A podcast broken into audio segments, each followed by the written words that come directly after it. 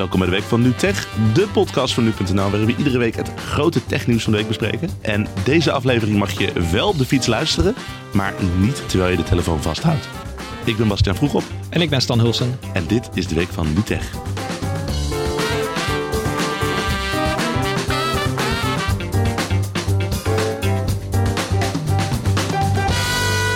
Het is de week van het grote, ja, heel veel mensen noemen het het appverbod, maar eigenlijk is het een telefoonverbod op de fiets, hè Stan? Eigenlijk is het een uh, verbod op het dragen van elektronische apparaten op de fiets. Ja, het is een elektronisch apparaten vasthoudverbod, maar dat de bek niet zo lekker. Dus vaak noemen we het het telefoonverbod of het appverbod. Ja.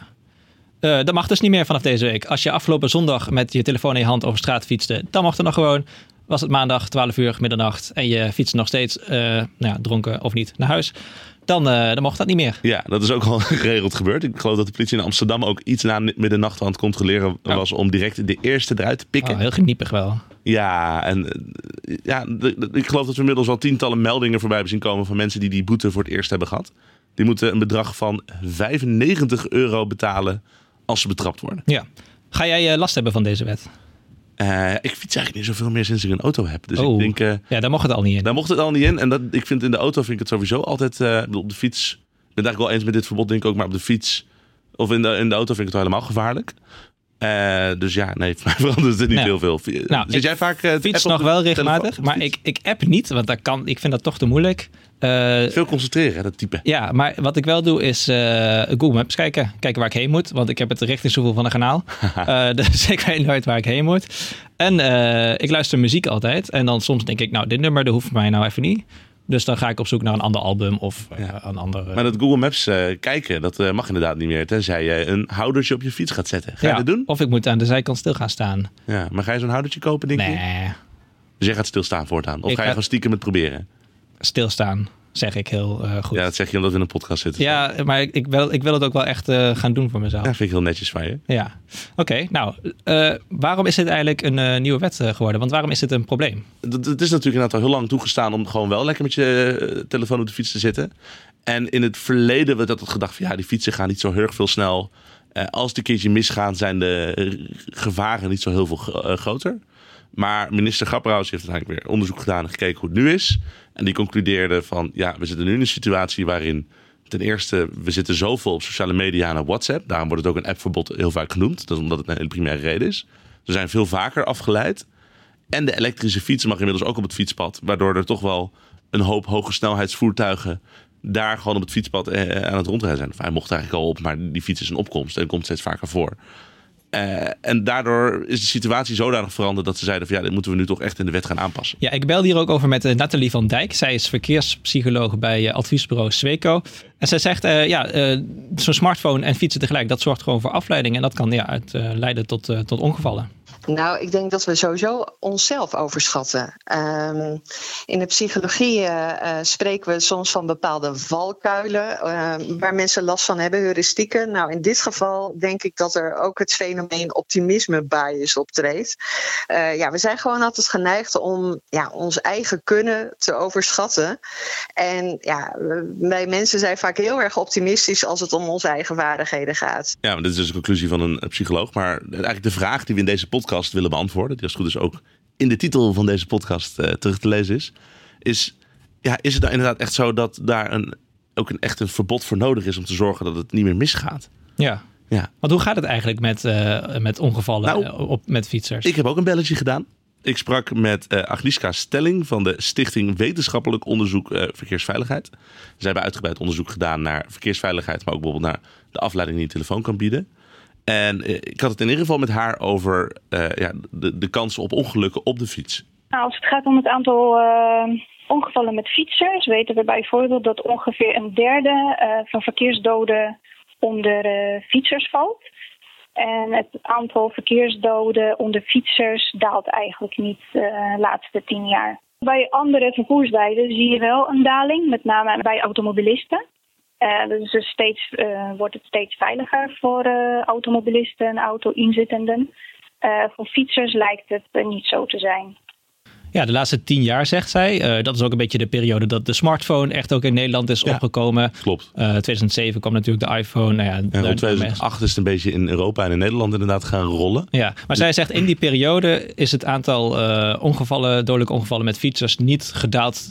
Eh, en eh, ja, terwijl dat bij andere vervoersmiddelen wel gebeurde. Is dat dan ook iets wat direct aan elkaar te koppelen is? Ja, nee, want je zou inderdaad denken van, oh, nou, de fiets mocht dat inderdaad. Dus die telefoon zorgt er misschien wel voor dat die aantal, eh, dat aantal ongevallen zo hoog blijft.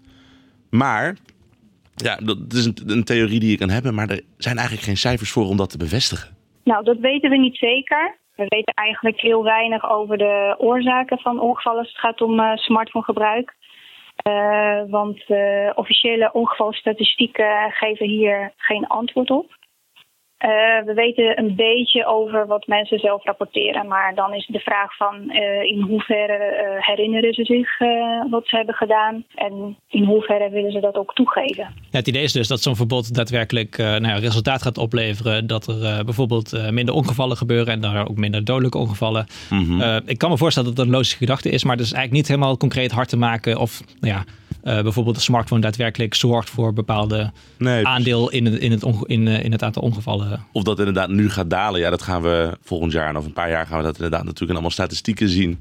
Naarmate het aantal eh, ongevallen in het fietsverkeer natuurlijk weer Ja. gerapporteerd Maar dan wordt het, begrijp ik, alsnog lastig, omdat het niet altijd duidelijk is welke rol een smartphone eventueel gespeeld heeft in, in een ongeval.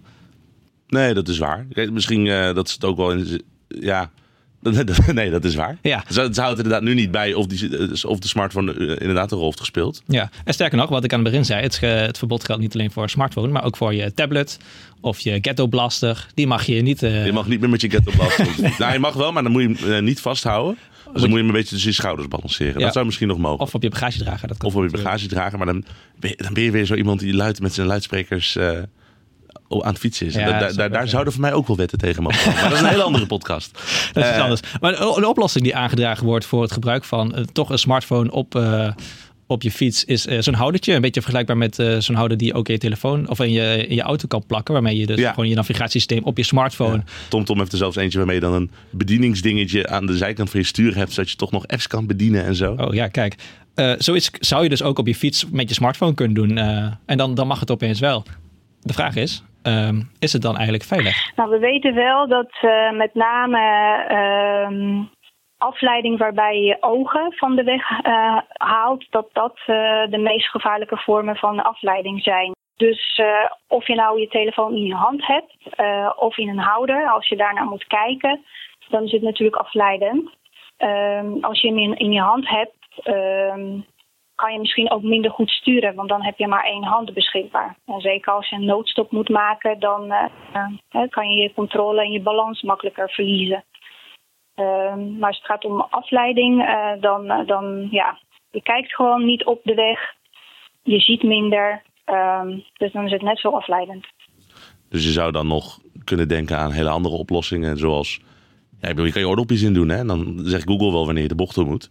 Ik krijg daar zelf altijd heel erg panisch van. Want ik denk van ja, maar ik zie hier drie wegen. Neem ik wel echt de juiste of is mijn GPS misschien een beetje weggedrift en ga ik de verkeerde kant op. Maar ja, je vertrouwt Google ook niet. dat zou nog kunnen. Dan zou je je ogen in ieder geval op de weg kunnen houden. En dan Ja. hou je misschien iets meer de focus op wat er aan de hand is. Al Maar goed, dan heb je ook weer anders. afleiding door geluid. Dat is ook weer een andere, andere zaak natuurlijk. Ja, Ehm, maar eh, wat ik Agnieszka eigenlijk hoor zeggen is dat eh, je beter gewoon je telefoon helemaal eh, in je broekzak kan houden of in je tas. Of eh, ja, ja, niet. veilig blijven wel. ja, dus dat zo'n houdertje in principe ook voor afleiding zorgt en daarmee gewoon ook een stuk onveiliger is dan gewoon goed om je heen blijven Mhm. kijken. Ja. Ehm, Maar dat is zeg maar de veiligheidskant. En of je het inderdaad wel of niet moet doen.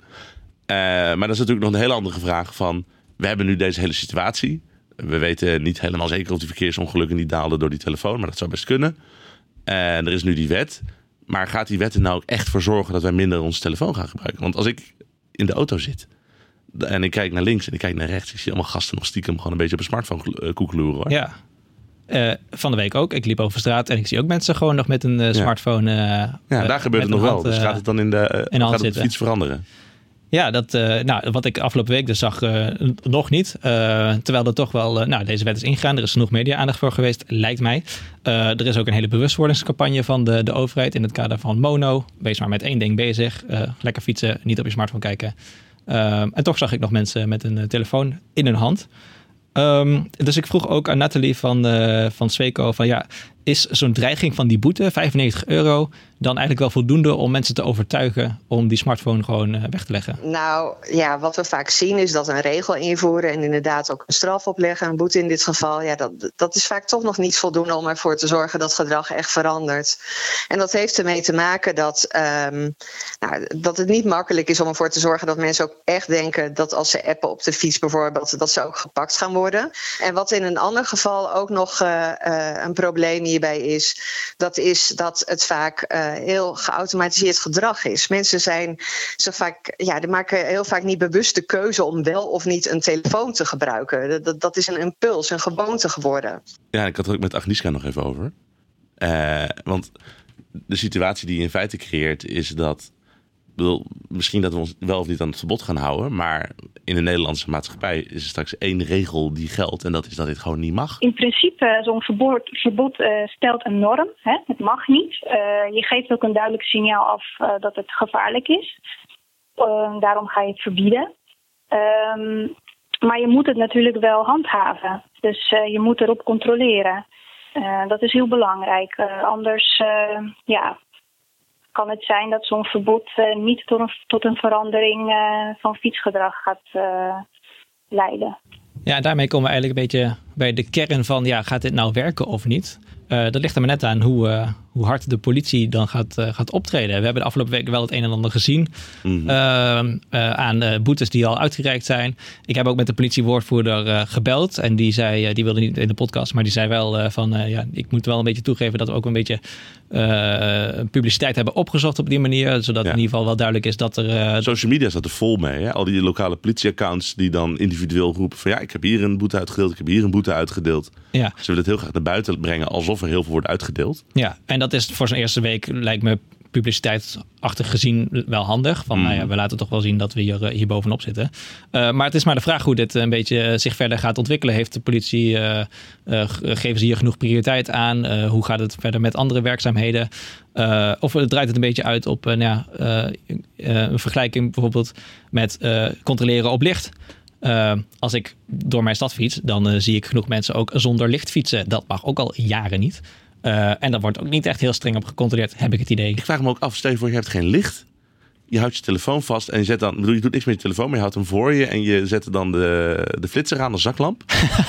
Onder de mond van, dan heb je in ieder geval een, een voorlicht. Ik denk dat je Hoe gaat de politie dan optreden? Ben je dan dubbel in overtreding? Of hebben ze dan toch een soort van iets van, ja, je probeert er wel iets van te maken om te zorgen dat je zichtbaar bent en is dat goed. Ik vraag me af hoe die situatie uitpakt. Um, ik denk niet dat je een agent hiermee kan overtuigen, moet ik, denk, moet ik zeggen. Ik weet het niet. Ik, uh, je bent sowieso een overtreding omdat je die ja. telefoon natuurlijk vast hebt. En volgens mij is een zaklamp ook niet echt een fatsoenlijk fietslicht. Ja, maar dus mijn telefoon is best je daarvoor gewoon uh, twee... Ja, ik, ik, denk dat je... Ja, je mag het proberen van dit mij. Is, dit is wel zo'n... dit is geloof ik ook een beetje zo'n... zo'n ik, ik, ik, heb het mensen wel vaker horen zeggen van dan moet je dat gewoon even doen, dan heb je een licht, dan is het goed. Maar ik heb ook nooit een agent, ik ben nooit een agent tegen het lijf gelopen terwijl ik dat eens een keer deed als mijn lampen die deed.